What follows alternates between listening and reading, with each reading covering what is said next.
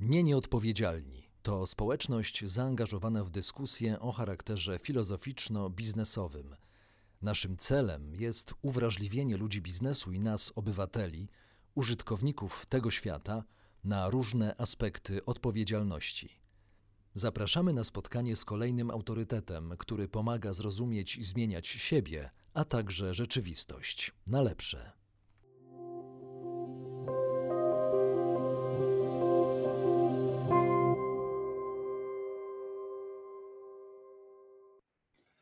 Dzień dobry, witam Państwa. Dzisiaj chciałbym zaprosić Państwa do tego, abyśmy podjęli temat e, dobroczynności i koronawirusa. Do rozmowy zaprosiłem pana Ignacego Dudkiewicza, który jest redaktorem naczelnym magazynu Kontakt. Jest też stałym współpracownikiem portalu ngo.pl i działaczem społecznym. Dzień dobry, witam serdecznie.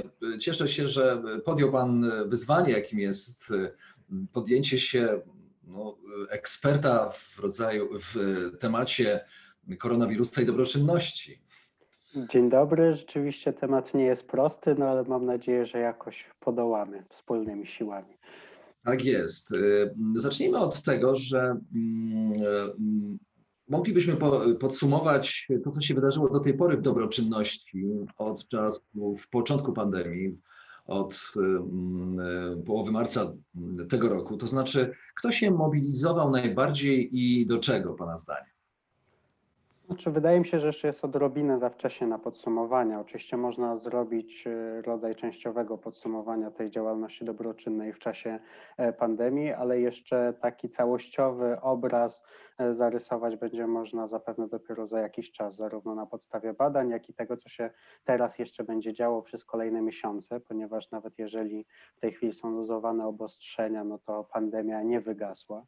E, a jej skutki, co więcej, będziemy e, obserwować jeszcze przez wiele e, kolejnych miesięcy, zarówno skutki zdrowotne, jak i skutki społeczne czy ekonomiczne. Więc w tym sensie też te działania dobroczynne, czy, czy charytatywne, czy wolontariackie będą cały czas potrzebne. Dotąd na pewno można powiedzieć, że aktywności było, było bardzo, bardzo wiele. Przede wszystkim wydaje mi się, że, że mobilizowali się sami obywatele i obywatelki oddolnie. Niekiedy się to działo za pośrednictwem e, organizacji społecznych, które na przykład też zmieniały e, sposób swojego działania w tym czasie, mocniej e, się skupiając właśnie na odpowiadaniu na wyzwania związane z pandemią. Organizowały się też po części firmy, parafie, media dokładały swoją cegiełkę. Dużo było takiej pomocy bardzo środowiskowej, przyjacielskiej, sąsiedzkiej. E, to wszystko, to wszystko widzieliśmy e, bardzo, e, bardzo wyraźnie. Jeżeli pyta Pan, do czego się, się ludzie mobilizowali, to wydaje mi się, że w największym stopniu do dwóch rzeczy. Po pierwsze, do wsparcia systemu ochrony zdrowia, jej pracowników i pracownic. Po drugie, do wsparcia osób starszych. To, to były te dwa, dwie podstawowe grupy e, odbiorców e, różnego rodzaju akcji, pomocy, e, aktywności, solidarności. Przy czym wydaje mi się, że też warto zauważyć, że, że w pewnym stopniu się zmieniał nastrój wokół, wokół tego typu działań. Na samym początku to była taka erupcja aktywności, erupcja działań, erupcja inicjatyw, często skądinąd nieskoordynowanych między sobą, niekiedy się powielających. E, ale to się później jakoś e, udało przynajmniej częściowo, e, częściowo opanować. Ale też wydaje mi się, że to, co, z czym się wiąże koronawirus i jego pandemia, to jest konieczność długofalowości, stałości, wytrwałości. I tak naprawdę największy egzamin z dobroczynności dla polskiego społeczeństwa jest jeszcze, jest jeszcze przed nami. To znaczy, czy uda się ten entuzjazm i te, te działania utrzymać w momencie, kiedy to będzie coraz bardziej żmudne, a nie, e, a nie aktywistyczne.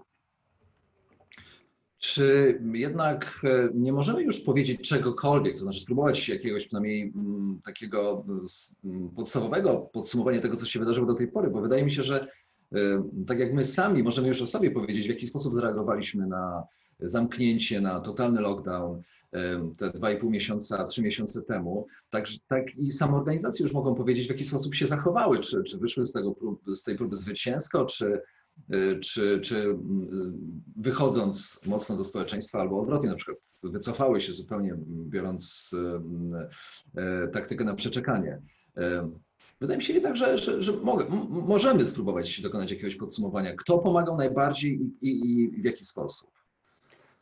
To jest oczywiście, no, mo, można spróbować, chociaż rzeczywiście stawia Pan przede mną bardzo, bardzo trudne zadanie, ponieważ e, też organizacje społeczne, których w Polsce jest e, ponad 100 tysięcy, e, są w bardzo różnej sytuacji, zajmują się bardzo różnymi, różnymi sprawami i w związku z tym też bardzo różnie zareagowały na, na sytuację pandemii. To znaczy organizacje, które zajmują się na przykład głównie działalnością kulturalną, organizacją wydarzeń, kulturalnych, teatralnych czy koncertów, przede wszystkim skupiły się nie na pomaganiu, a na dalszym e, działal, dalszej działalności kulturalnej przeniesionej do, e, do internetu. Organizacje, które się zajmują pomocą określonym bardzo grupom e, społecznym, e, przede wszystkim skupiły się na tym, żeby w jak najlepszy sposób odpowiadać na nowe, niekiedy e, zmultiplikowane potrzeby tych grup. Na przykład nie wiem, organizacje zajmujące się pomocą dzieciom doświadczającym przemocy czy kryzysów psychicznych w rodzinie, no rzeczywiście miały dużo nowej, no do pewnego stopnia e, specyficznej i innej pracy e, niż dotąd, no ale nie rzucały się do tego, żeby koniecznie pomagać e, em, placówkom zdrowotnym, tak? tylko skupiły się na tym, żeby jak w najlepszym stopniu odpowiedzieć na, na nowe wyzwania i potrzeby związane z ich codzienną działalnością. No i tak dalej, i tak dalej. Tak? Oczywiście jest też ilość organizacji, które w jakiś sposób przemodelowały swoje działania w największym stopniu teraz się orientując na wspieranie osób poszkodowanych przez, e, przez pandemię. E, A jest też oczywiście taka grupa organizacji, która zastygła, tak, która zawiesiła działania, która e, nie odnalazła drogi czy możliwości, a niekiedy nie, nie była w stanie, nie, miała szans odnaleźć. Forum możliwości. Odpowiedzialnego Biznesu podaje około 20% e, takich organizacji ze wszystkich e, tych, o których Pan powiedział, 100 tysięcy, czyli 25 tysięcy organizacji, no, no właśnie z różnych powodów przeszło w stan e, z hibernacji, jeśli możemy tak nazwać. E, Ta pomoc, e, czy ona wyglądała tak i wygląda tak, jak w ogóle dzielimy sektory działalności w sferze publicznej, czyli e, mamy tę sferę administracyjną, biznes i, i NGOs. To, to, to tutaj się odbywało, tak? E, Mogę się domyślać. Tak rzeczywiście się działo, to znaczy na wszystkich tych polach e, była widoczna aktywność. Niekiedy, tak jak powiedziałem, ona nie była e, koordynowana i to, było, to też wiązało się z pewnymi wyzwaniami związanymi z, nie wiem, przynajmniej punktowymi, punktowym zarzucaniem e, na przykład niektórych placówek zdrowotnych nadmiarową pomocą, a, a niewystarczającą pomocą w, e, w innych miejscach, które, które, dociera, które docierały. E, ale rzeczywiście tak, no, zaangażowały się wszystkie możliwe podmioty, które, które no właśnie miały taką, taką możliwość. Zarówno państwo sporo zrobiło, możemy dyskutować o tym, czy wystarczająco dużo i tak dalej. Firmy, te, które były w stanie, też sporo, sporo e, uczyniły i chciały, zwłaszcza w bardzo dużej mierze to były firmy lokalne, lokalne przedsiębiorstwa, które postanowiły w jakiś sposób odpowiedzieć na, e, na te potrzeby. No i organizacje społeczne też. I ja bym podkreślił jeszcze poza tym podziałem na te trzy sektory właśnie tę oddolną, e, obywatelską, sąsiedzką, rodzinną, przyjacielską e, pomoc, która wydaje mi się, że, jest szczególnie cenna, bo bardzo często dociera w miejsca, w które tym sektorom i e, sformalizowanym instytucjom czy organizacjom e, nie jest łatwo dotrzeć. Trudno się nie zgodzić z Panem, szczególnie, że ta pomoc nie, nie była podszyta żadnym, e, żadnym in- interesem, nie było tam żadnej e, ukrytej agendy, e, bo jak się okazuje w działaniach państwa, to, to, to, to, pokazują no, no pewne afery związane z, z, ze strukturą tej pomocy, e, czy też same działania biznesu w niektórych przypadkach, e, no, że mm, możemy dyskutować o, o skuteczności, czy też o, o takiej rzetelności do, do organizowania pomocy, mając takie mechanizmy właśnie jak państwo czy biznes. I o tym właśnie chciałbym, żebyśmy mm, de facto porozmawiali, to znaczy w felietonie umieszczonym na NGO czy ngo.pl o koronawirusie i dobroczynności, który to felieton wprawdzie ma już kilka tygodni, ale wciąż wydaje się bardzo aktualny, a który wciąż robi na mnie duże wrażenie, muszę przyznać. Napisał Pan o roli państwa w łańcuchu dobra. Na czym ta rola powinna właściwie polegać? Możemy to zdefiniować? Możemy, możemy, możemy zdecydowanie to zdefiniować. Wydaje mi się, że, że rola państwa, zwłaszcza w sytuacjach tak kryzysowych jak pandemia, tak e, ekstraordynaryjnych jak, jak epidemia, jest e, absolutnie, absolutnie kluczowa i że musimy sobie jasno powiedzieć, że nikt całościowo nie jest w stanie zastąpić państwa w e, zapewnieniu równego dostępu do, do podstawowych dóbr i do podstawowych usług publicznych, takich jak przede wszystkim edukacja czy, czy, czy ochrona zdrowia. E, I o ile e, państwo nie musi brać na siebie ciężaru rozwiązywania wszystkich problemów społecznych również wszystkich efektów e, epidemii koronawirusa, to jednak musi tworzyć ten podstawowy fundament, który, który zabezpiecza najbardziej, najbardziej podstawowe potrzeby. Bo tam, gdzie obywatele są w stanie sami się zorganizować, to dobrze, żeby administracja im pomagała, ale, ale nie szczególnie przeszkadzała. Znaczy mamy w Konstytucji zapisaną taką zasadę jak, jak pomocniczość, która w dużym skrócie e, opiera się na tym, że e, żeby pomoc była organizowana i w ogóle działalność była organizowana na jak najniższym poziomie. Tak? Znaczy, że jeżeli mogą coś zrobić obywatele, to niech robią to obywatele przy wsparciu wszystkich e, wyższych poziomów. Jeżeli mogą to robić samorządy, to niekoniecznie musi brać to na siebie władza, władza centralna i tak dalej ale jest bardzo wiele takich spraw, w których dobroczynność i aktywizm oddolny, nawet najszczerszy, nawet najlepiej zorganizowany, państwa e, nie zastąpi. I w sytuacji pandemii widać, e, widać to bardzo wyraźnie, że bez dobrego działania sprawnego aparatu państwowego e, oddolne inicjatywy, również inicjatywy organizacji pozarządowych mogą rozmaite dziury łatać, ale nie są w stanie uszyć całego tego ubrania, którego potrzebujemy jako społeczeństwo w danej sytuacji. Czy teraz przypadkiem nie płacimy ceny, jaką e, płaciliśmy do tej pory na państwo, które no właśnie nie, nie do końca się sprawdza, jak, jak Pan powiedział. E, I zapytam o to, cytując zresztą słowa, które Pan napisał, e, kiedy jako społeczeństwo powinniśmy zażądać podwyżki wynagrodzeń lekarzy, pielęgniarek i ratowników medycznych, dwukrotnej podwyżki o, o o, o 100%. E, no właśnie, czy, czy, czy to już nie jest ta sytuacja, gdzie, gdzie powinniśmy to po prostu zrobić? Jestem przekonany, że powinniśmy to zrobić. Jestem przekonany, że, że państwo w Polsce e, realizujące właśnie e, podstawowe usługi publiczne jest, jest niedofinansowane. Dotyczy to nie tylko ochrony zdrowia, dotyczy to też e, na przykład właśnie edukacji. I świadomość społeczna dotycząca tego, jak dramatycznie brakuje w Polsce lekarzy i lekarek, pielęgniarzy i pielęgniarek, ratowników i ratowniczek medycznych, całego personelu medycznego, ale też na przykład właśnie nauczycieli i nauczycielek, E, wciąż jest zbyt niska. Tak? A w tej sytuacji, w której nie tylko jest kwestia pandemii, ale są też rozmaite, dalekosiężne i długotrwałe procesy, takie jak starzenie się społeczeństwa, rosnące skutki chorób cywilizacyjnych itd., tak e, to w momencie, kiedy nie ma wymiany pokoleniowej w najbardziej kluczowych i najbardziej niezbędnych zawodach, no to rzeczywiście dojdziemy do momentu, kiedy nie będzie nas miał kto leczyć, nie będzie miał nas kto pielęgnować, nie będzie miał nas kto ratować, badać naszych próbek w laboratoriach, nie będzie miał kto uczyć naszych dzieci. E, I, jeżeli sobie nie zdamy z tego sprawy, że, że nie jesteśmy w stanie tego załatwić sobie na własną rękę w sposób równy i sprawiedliwy i że nie załatwi tego również, e, również dobroczynność, no to, to wyjdziemy na tym bardzo źle. Tak? Znaczy dobroczynność może tworzyć wartość dodaną dla dobrze funkcjonującego i spełniającego swoje zadania państwa.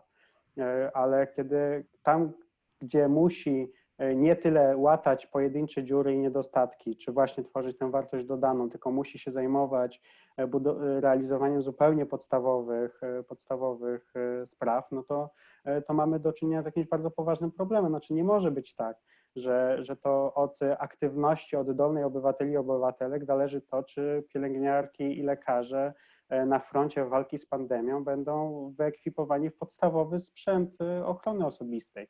Znaczy, to, tak, tak, tak po prostu e, być nie może, nie możemy się na to godzić, ale nie zmieni się to, jeżeli nie zmienimy swojego myślenia o państwie, jeżeli wciąż będzie dominować przekonanie, że jest to z zasady i nie, nieuchronnie dysfunkcjonalna struktura, której, której się nie da naprawić. Jeżeli będziemy się godzić na to, żeby państwo było przedmiotem zawłaszczania przez kolejne e, siły polityczne, które zajmują się głównie tym w niemałej części, żeby żeby ustawić w jak najlepszym stopniu siebie e, i rozmaitych swoich znajomych. E, Nie zmieni się to wreszcie, jeżeli wciąż będziemy się godzić na to, że, Pols że polskie państwo e, działa na zasadzie bardzo resortowej, to znaczy każde ministerstwo e, działa sobie, nie koordynując wzajemnie e, działań, a im sytuacja bardziej kryzysowa, tym oczywiście tym, tym mocniejsze skutki tego wszyscy będziemy e, odczuwać. Czy nie sądzi Pan, że e, my właściwie posunęliśmy jeszcze bardziej do, do przodu tę opowieść o państwie, które jest wspaniałe, a mm, nie odpowiadającą tej m, opowieści w ogóle rzeczywistości. To znaczy ten rozdźwięk zacz- jest jeszcze większy po koronawirusie, bo z jednej strony słyszeliśmy piękne opowieści, jak to sobie radzimy na poziomie państwa, że służby działają, a z drugiej strony docierała cała masa informacji o tym, że to wcale tak nie jest. E, I jak, jak zareagować w tej sytuacji, kiedy opowieść idzie jednym torem, a rzeczywistość pokazuje coś innego? Tutaj, tutaj bardzo potrzeba tego, żeby w oddolny sposób pokazywać właśnie tę rzeczywistość. To znaczy, żeby nie godzić się też na kneblowanie e, informacji, które oddolnie docierają na temat rozmaitych dysfunkcji, e, dysfunkcji państwa. To znaczy, żeby nie e, obrażać się na personel medyczny, który ujawnia, jak to wyglądało i wygląda w praktyce, żeby wsłuchiwać się w te opowieści, a przede wszystkim, żeby przy, jak, przepraszam, że że tak to sprowadzę do takiego prostego, e, prostego e, aktu, ale no przy urnie wyborczej brać pod uwagę to, kto, e, kto jakie obietnice i na ile wiarygodne składa na temat realnej reformy funkcjonowania e, państwa i jego najważniejszych e, zadań, bo, bo bez, tego, bez tego to się, to się nie ruszymy. Znaczy to niestety też pokazuje, jak bardzo dysfunkcjonalna jest polska polityka, bo e, bo w momencie, kiedy przez kolejne lata, i to nie, to nie chodzi tylko o ostatnie lata, kiedy rządzi Prawo i Sprawiedliwość, ale też poprzednie lata, kiedy główne siły opozycyjne są skupione nie na tym, żeby w merytoryczny sposób krytykować e, działania e, rządu e, i je poprawiać i wspólnie szukać e, najlepszych, e, najlepszych rozwiązań, tylko są skupione przede wszystkim na plemiennej walce, na e, deprecjonowaniu e, przeciwnika politycznego, na przekonywaniu, że ci, ci drudzy e, to są zdrajcy i z nimi nic wspólnie się nie da zrobić, e, no to państwo w takich warunkach staje się łupem, a nie, a nie dobrem wspólnym, e, o które wszyscy się próbujemy w jakiś sposób e, troszczyć. Teraz, e, posuwając naszą rozmowę o mm, koronawirusie i dobroczynności, proponuję, żebyśmy podjęli temat e, biznesu, ponieważ e, w Pana tekście, przypomnę, że chodzi o tekst Dobroczynność i koronawirus opublikowanym na portalu ngo.pl, pisze o tym, że oburza Pana, czy oburzało Pana fetowanie bogatych darczyńców. Czy to mm, nie minęło? Ten stan wciąż Pan podtrzymuje w sobie? Tak, podtrzymuję w sobie zarówno oburzenie tym, jak i rodzaj pewnego zażenowania. E, Być może to jest nawet, e, nawet lepsze słowo. E, To znaczy, wydaje mi się, że jest coś no właśnie żenującego w tym, że, że, że robimy z milionerów czy miliarderów absolutnych bohaterów w momencie, kiedy przekażą jakiś ułamek swojego, e, swojego majątku na, na rzecz dzi- działań przeciwko pandemii. To znaczy, i to nawet nie chodzi o to, żeby każdego rozliczać z tego, ile przekazuje, e, przekazuje pieniędzy i żeby koniecznie wymagać, żeby przekazał e, jeszcze więcej i tak dalej, ale o to, żeby widzieć pełen obrazek. To znaczy, że ten akt przekazania jakiejś darowizny to nie jest, to nie jest właśnie całość obrazu. Tak? Mamy prawo pytać zarówno o to, skąd te pieniądze się wzięły, czy, czy nie zostały zdobyte na ludzkiej krzywdzie, na łamaniu praw pracowniczych, na e, optymalizacji podatkowej e, i tak. Oraz mamy też prawo pytać w ogóle o to, czy tak daleko idące nierówności e, ekonomiczne, jakie, jakie obserwujemy w, we współczesnym świecie, są w ogóle moralne, są moralnie dopuszczalne. Znaczy, jeżeli jest tak, że od początku pandemii, jak e, ostatnio podały amerykańskie media, w Stanach Zjednoczonych pracę straciło 41 milionów ludzi, a równocześnie w tym samym czasie majątek amerykańskich miliarderów wzrósł o pół biliona, e, no to mamy, mamy do czynienia z sytuacją skrajnie patologiczną. Tak? To znaczy, to jest sytuacja, w której nawet tak kryzysowy stan jak pandemia sprawia wyłącznie, że nierówności rosną. Tak? To znaczy, że, że ci, którzy byli e, słabsi, uciskani, biedni, są, są w jeszcze gorszej sytuacji, e, a miliarderzy i tak znajdują sposoby na tym, takie, tacy jak Mark Zuckerberg czy Jeff Bezos, żeby, e, żeby się jeszcze na tym, na tym wzbogacić. I myślę, że możemy powiedzieć, że pewien poziom nierówności ekonomicznych i społecznych, w sytuacji, w której tak olbrzymią część światowego majątku spoczywa w tak niewielkiej liczbie rąk, jest, jest po prostu niemoralna i wtedy to, że najbogatsi przekazują, nazwijmy to brutalnie, ale okruchy z pańskiego stołu e, innym, nie jest wystarczającą e, odpowiedzią na ten oburzający i niemoralny stan, do którego doprowadziliśmy system światowy. Jak powinniśmy etycznie oceniać te pieniądze, które załóżmy Leo Messi, pan w swoim tekście powołuje się na ten przykład, który zarabia rocznie 100 milionów euro, przekazuje 1 milion euro na E, walkę z koronawirusem, czyli to jest ten 1%, to jest ten okruch de facto, o którym Pan wspomniał. No właśnie, jak etycznie ocenić ten akt? Czy e, i jak go przyjąć, a może powinniśmy jako społeczeństwo po prostu go odrzucić? Wydaje mi się, że same pieniądze oczywiście się przydadzą i w momencie, kiedy ich brakuje, kiedy brakuje środków ochrony osobistej dla, dla e, personelu medycznego, to trzeba się głównie zastanowić nad tym, jak w najlepszy sposób e, je wydatkować. W przypadku Leo Messiego sprawa jest e, bardzo, przepraszam, ale jest bardzo prosta. To znaczy Leo Messi został skazany prawomocnym wyrokiem hiszpańskiego sądu za oszustwa podatkowe. Więc w tym wypadku to nie chodzi tylko o to, czy dało za mało, czy za dużo Chodzi też o to, że część jego majątku, e, jego i jego ojca, który jest jego menedżerem, pochodzi z grabienia e, podatników, ograbienia państwa z pieniędzy, które się temu państwu należały. Tak? Julian Tuwim mawiał, że filantrop to taki człowiek, który publicznie zwraca bliźniemu drobną cząstkę tego, co mu ukradł prywatnie. E, I, e, no i coś, coś w tym jest. To znaczy, być może to jest oczywiście zbyt mocne e, określenie na wszystkie te akty, które, które jakoś obserwowaliśmy, no ale podkreślanie przede wszystkim dobroci i rzekomej szlachetności tych, którzy się, którzy się dzielą z tego, co im zbywa, uczciwie powiedzmy, bez sprawdzania na przykład tego, czy, jak i gdzie płacą podatki, no to wydaje mi się, że takie mówienie o ich dobroci i szlachetności mija, e, mija się z celem. Nawet jeżeli nie możemy powiedzieć w przypadku tych wszystkich osób, które przekazywały darowizny, że są oszustami podatkowymi, w przypadku Leo Messiego możemy to powiedzieć, zostało to stwierdzone prawomocnym wyrokiem sądu, e, no ale optymalizacja podatkowa, wykorzystująca rozmaite luki w dziurawym prawie, nawet jeżeli nie, nie nosi znamion przestępstwa, no to wciąż według mnie jest E, jest niemoralna i warto o niej mówić i warto ją piętnować. E, I warto piętnować sytuację, gdy tak jak w Polsce najbogatsi płacą procentowo niższe podatki niż najbiedniejsi.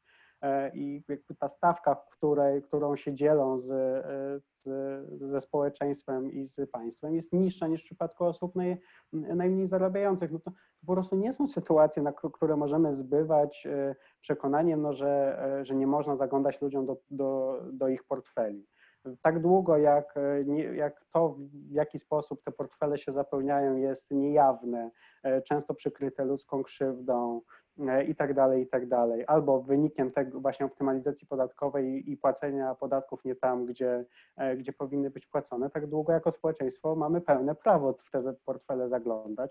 I w związku z tym nie cieszyć się jak jak dzieci w cyrku, że, że, że ktoś rzucił, rzucił piłkę no tak. Zahaczamy tutaj po pierwsze o y, tematykę wiedzy, skąd pochodzi kapitał, czyli wiedzy ekonomicznej y, społeczeństwa, czy w ogóle społeczeństw, y, świadomości tego, jak działa duży kapitał w połączeniu nie, nierzadko z, z państwem. I do tego jeszcze dochodzi no nie, no, działalność agencji PR-owych, które po prostu wykonują zlecenia dużego kapitału po to, żeby przedstawiać w odpowiednim świetle sytuacji. No to jest potężna machina tak naprawdę. Jaką mamy szansę, żeby na poziomie społecznym dowiedzieć się, że firma, polska firma marka z Gdańska, e, która ma, gigantyczne, ma gigantyczny biznes w, w całej Europie, która przychodzi teraz żebrać o, od, od państwa o pieniądze na przetrwanie, chociaż doskonale wciąż może sobie radzić. No tu właśnie znowu wracamy do, do siły albo słabości państwa, tak? To znaczy y, my jako obywatele możemy rozmaite e, śledztwa, próby dokonywać. Mogą to robić niekiedy media, chociaż ich obecna sytuacja jest taka, że, że wydaje się to coraz mniej prawdopodobne, żeby media wchodziły w poważne dziennikarstwo śledcze, zwłaszcza wobec, wobec biznesu, wielkiego biznesu, od którego często są uzależnione.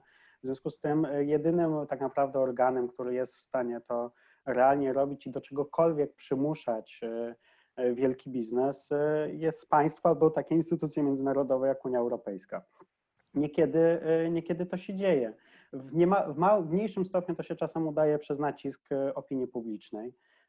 W Wielkiej Brytanii doszło do tego, że, że no, słynny klub piłkarski, obecny zdobywca Ligi Mistrzów, czyli Liverpool, też wyciągnął rękę po, po pieniądze publiczne po to, żeby chronić miejsca pracy i oczywiście nie chodzi o piłkarzy pierwszej drużyny, którzy zarabiają miliony tygodniowo, tylko całe, całe, całej rzeszy ludzi, którzy, którzy na nich pracują.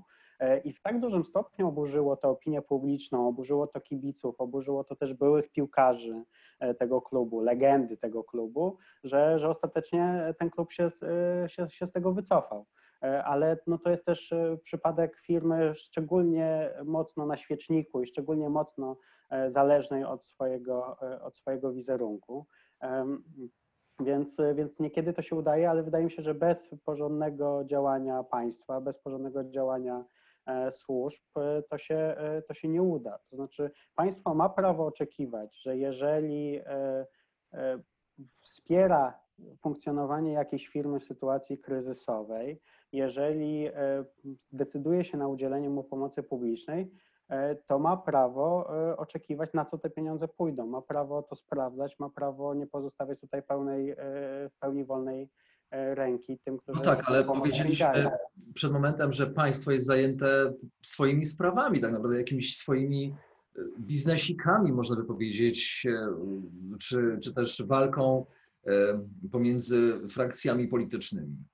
No niestety, niestety tak właśnie jest. Co prawda to akurat jest, jeżeli szukamy pozytywów, to, to niedawno przeszła poprawka w jednej z tarcz antykryzysowych została zmieniona, zostało wprowadzone takie prawo, które zostało zaproponowane przez, przez klub parlamentarny Lewicy, ale zostało ono wsparte również przez cały klub Prawa i Sprawiedliwości w Sejmie, przeszła właśnie poprawka, która sprawia, że jeżeli jakaś firma otrzymuje pomoc publiczną, to przez kolejny rok uposażenia najwyższego kierownictwa w tej firmie muszą być ograniczone. To znaczy nie mogą przekraczać czterokrotności średniej pensji w, no, tam prze, przez Główny Urząd Statystyczny ogłaszanej. Chodzi w skrócie po prostu o to, żeby jeżeli państwo pomaga jakiejś firmie, na przykład w utrzymaniu płynności finansowej, to ze względu na miejsca pracy, a nie ze względu na nową, nowy samochód dla prezesa, tak? To znaczy to tak, tak być nie może. Jestem też przekonany, że państwo ma pełne prawo odmawiać pomocy tym, którzy nie płacą uczciwie podatków w Polsce. To znaczy, jeżeli wszystkie podatki są płacone na Seszelach albo w Liechtensteinie, albo na Cyprze, albo gdziekolwiek jeszcze, jeszcze indziej, czyli te firmy mimo wielkich zysków się nie, się nie dokładają do wspólnego kotła, no to też później nie powinny z niego, z niego czerpać. I tu wydaje mi się, że państwo powinno większą, większą troską otoczy, otoczyć tych, którzy tracą pracę, osoby bezrobotne, na przykład zwiększając zasiłki i dostępność zasiłków dla, dla osób bezrobotnych, niż upierać się w finansowanie molochów, które, które często zresztą sobie też i tak sobie przejdą, przejdą tę, przez tę ulewę suchszą stopą niż, niż poszczególni pracownicy pozbawieni tej ochrony. To oczywiście musimy rozróżnić między wielkim biznesem a małymi przedsiębiorcami. Małe przedsiębiorstwa często są w skrajnie trudnej sytuacji, tak naprawdę w równie trudnej sytuacji jak ludzie, których zatrudniają albo, albo, no, albo po prostu jak, jak, jak pracownicy.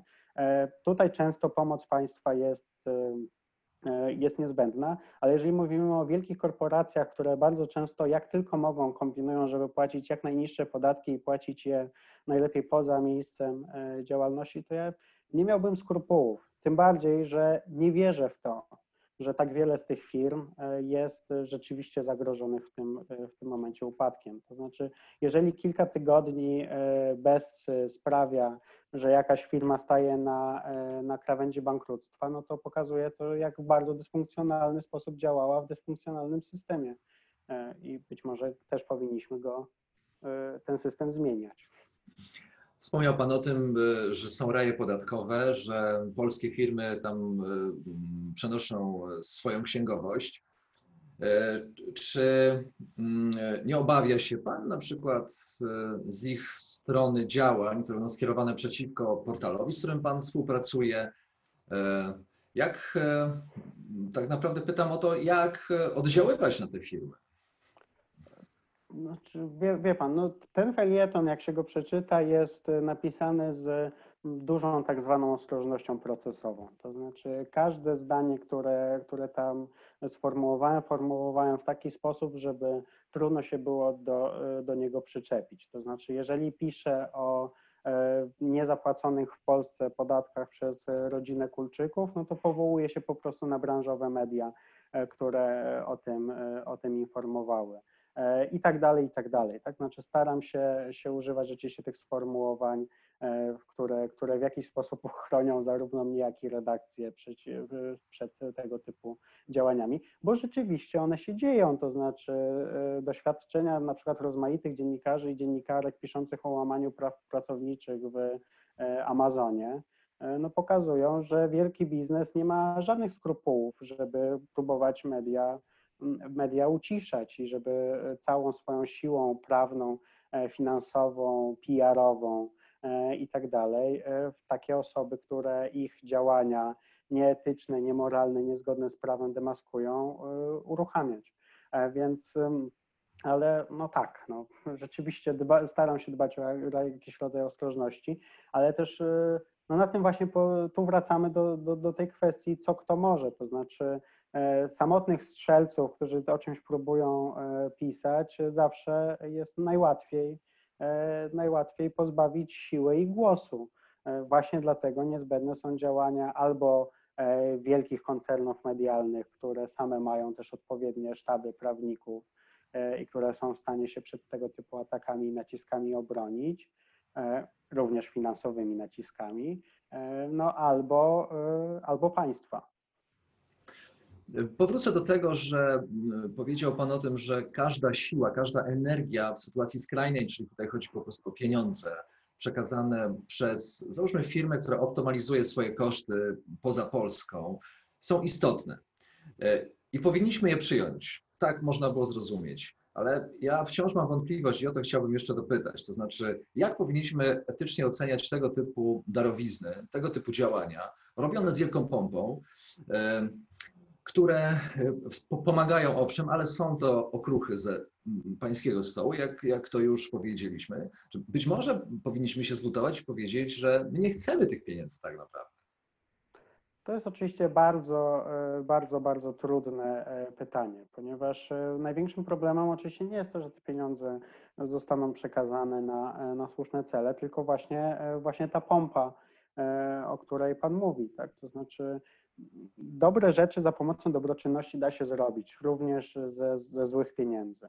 E, I są tacy, którzy, którzy przekonują, że, e, że to jest w porządku. Tak? To znaczy, e, jest taka opowieść, ja nie wiem na ile ona jest prawdziwa, ale jest taka opowieść o tym, jak jałmużnik papieski kardynał Konrad Krajewski e, przyszedł do papieża z, e, z taką informacją, że ma obawy, że niektóre pieniądze, które zostały przekazane na działalność charytatywną Stolicy Apostolskiej są pieniędzmi mafii. E, I, I, co on ma z tym zrobić? No i to, to, jest, to jest to pytanie. Tak? No i papież Franciszek ponoć, w, w, jak głosi ta, ta historia, odpowiedział, że te pieniądze trzeba wydać najlepiej, najlepiej jak się da. To znaczy, że, że wziąć je i wydać najlepiej jak, jak się da. E, co, no, inaczej jest na przykład e, w, w islamie i część, e, część nauczycieli islamskich mówi, że brudnych pieniędzy nie należy przyjmować, mimo tego, nawet jeżeli miałoby się za nie zrobić dobre rzeczy. No to jest, to jest potężny dylemat i, i bardzo, bardzo trudna rzecz, ale wydaje mi się, że to, co przede wszystkim należy robić, to, to demaskować te mechanizmy, tak? Znaczy demaskować to, że za tym dobrem, które z tych pieniędzy można zrealizować dzięki tym pieniądzom, że, że dobroczynność służy też, e, też budowaniu wizerunku, że służy niekiedy tuszowaniu szkodliwych działań, e, że służy uspokajaniu sumienia, że służy kupowaniu przychylności e, mediów, czy, czy, czy społeczeństwa, czy, e, czy nawet władz państwowych. Znaczy, że to wszystko też są pewne funkcje dobroczynności, oczywiście na tym poziomie właśnie wielkich firm i wielkich graczy, a nie osoby prywatnej, która wrzuca do puszki na ulicy em, jakiś datek, bo chce się, e, chce się podzielić. Mówimy, ale rozumiem, że, że mówimy teraz cały czas o tej dobroczynności e, milionerów i miliarderów czynionej wielkie, z wielką pompą, e, no to, że tych funkcji e, jest więcej i że te dylematy są rzeczywiście, tak jak Pan wskazuje, są bardzo poważne i należy się nad nimi e, zastanawiać, ale prostej odpowiedzi niestety Panu nie udzielę. I przyznam szczerze, że też nie spodziewałem się, że e, Pan udzieli, bo na e, stan wiedzy, jaki mamy i też na, no, na pewne pojmowanie świata, no niestety, ale rzeczywiście tutaj chyba wciąż nie ma prostej odpowiedzi. Być może powinniśmy za każdym razem, przyjmując darowiznę od naprawdę dużej firmy, znaczącej marki, pytać o źródło e, samych pieniędzy, skąd pochodzi ta darowizna, e, aby, aby darczyńca też e, przede wszystkim tym się pochwalił, a nie sumą, która będzie świetnie wyglądała w przeglądarce internetowej. No, byłoby bardzo dobrze, tak? To znaczy rzeczywiście no, budzi moje, moje poważne wątpliwości, na przykład właśnie robienie wielkiej filantropki z pani Dominiki Kulczyk, no, kto, kto, w momencie, kiedy cała firma, firmy prowadzone przez, przez państwa Kulczyków, a wcześniej przez, e, przez ich ojca, do dzisiaj nie, wy, nie, nie odpowiedziały na rozmaite pytania i nie wytłumaczyły się, właśnie z kwestii dotyczących optymalizacji podatkowych, nie wytłumaczyły się z kwestii e, niszczenia środowiska naturalnego w, w Afryce w ramach tam e, podejmowanych inicjatyw paliwowych e, i tak dalej, i tak dalej. Tak? To znaczy, i w tym momencie e, to wcale nie jest oczywiste, że te pieniądze, które są przekazywane z e, majątku pani Dominiki Kulczyk, e, są w stanie zrównoważyć te szkody, e, które, które uczyniła e, firmy, których jest współ, współwłaścicielką, czy, czy korzysta z, z ich istnienia i pracy i na nich się, z, z nich pochodzi, pochodzi jej e, majątek. Tak, powinniśmy o to pytać, tak, nie powinniśmy e, tak e, dobrodusznie i z pełnym zaufaniem e,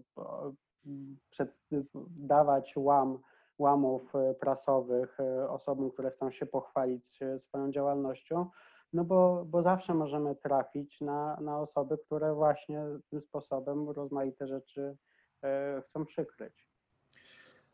Czy dobroczynność pomoże nam znowu, kiedy znajdziemy się w sytuacji skrajnej na poziomie społecznym? No, pomoże nam na tyle, na ile może pomóc e, tabletka na chrypkę w momencie zapalenia płuc. No to odrobinę złagodzi pewnie e, rodzaj, e, rodzaj bólu w, w gardle, ale nie rozwiąże, nie rozwiąże problemu i, i, i nie wyleczy realnych chorób. To znaczy kryzys, w którym mam przekonanie, że jest taki trwały kryzys, w którym znajduje się, e, się obecnie świat, ma dużo poważniejsze przyczyny, e, które, na które dobroczynność e, nie zna, nie zna recepty. Tak? To znaczy, to, to są przyczyny zagnieżdżone w szkodliwym i niebezpiecznym modelu rozwojowym, który jest oparty na fikcji nieustannego wzrostu, na szaleńczej konsumpcji, na niebywałym marnotrawstwie. No, To są, to są przyczyny zagnieżdżone w nierównym podziale światowych dóbr. E, I dobroczynność nie odpowiada na żadną z tych podstawowych przyczyn choroby.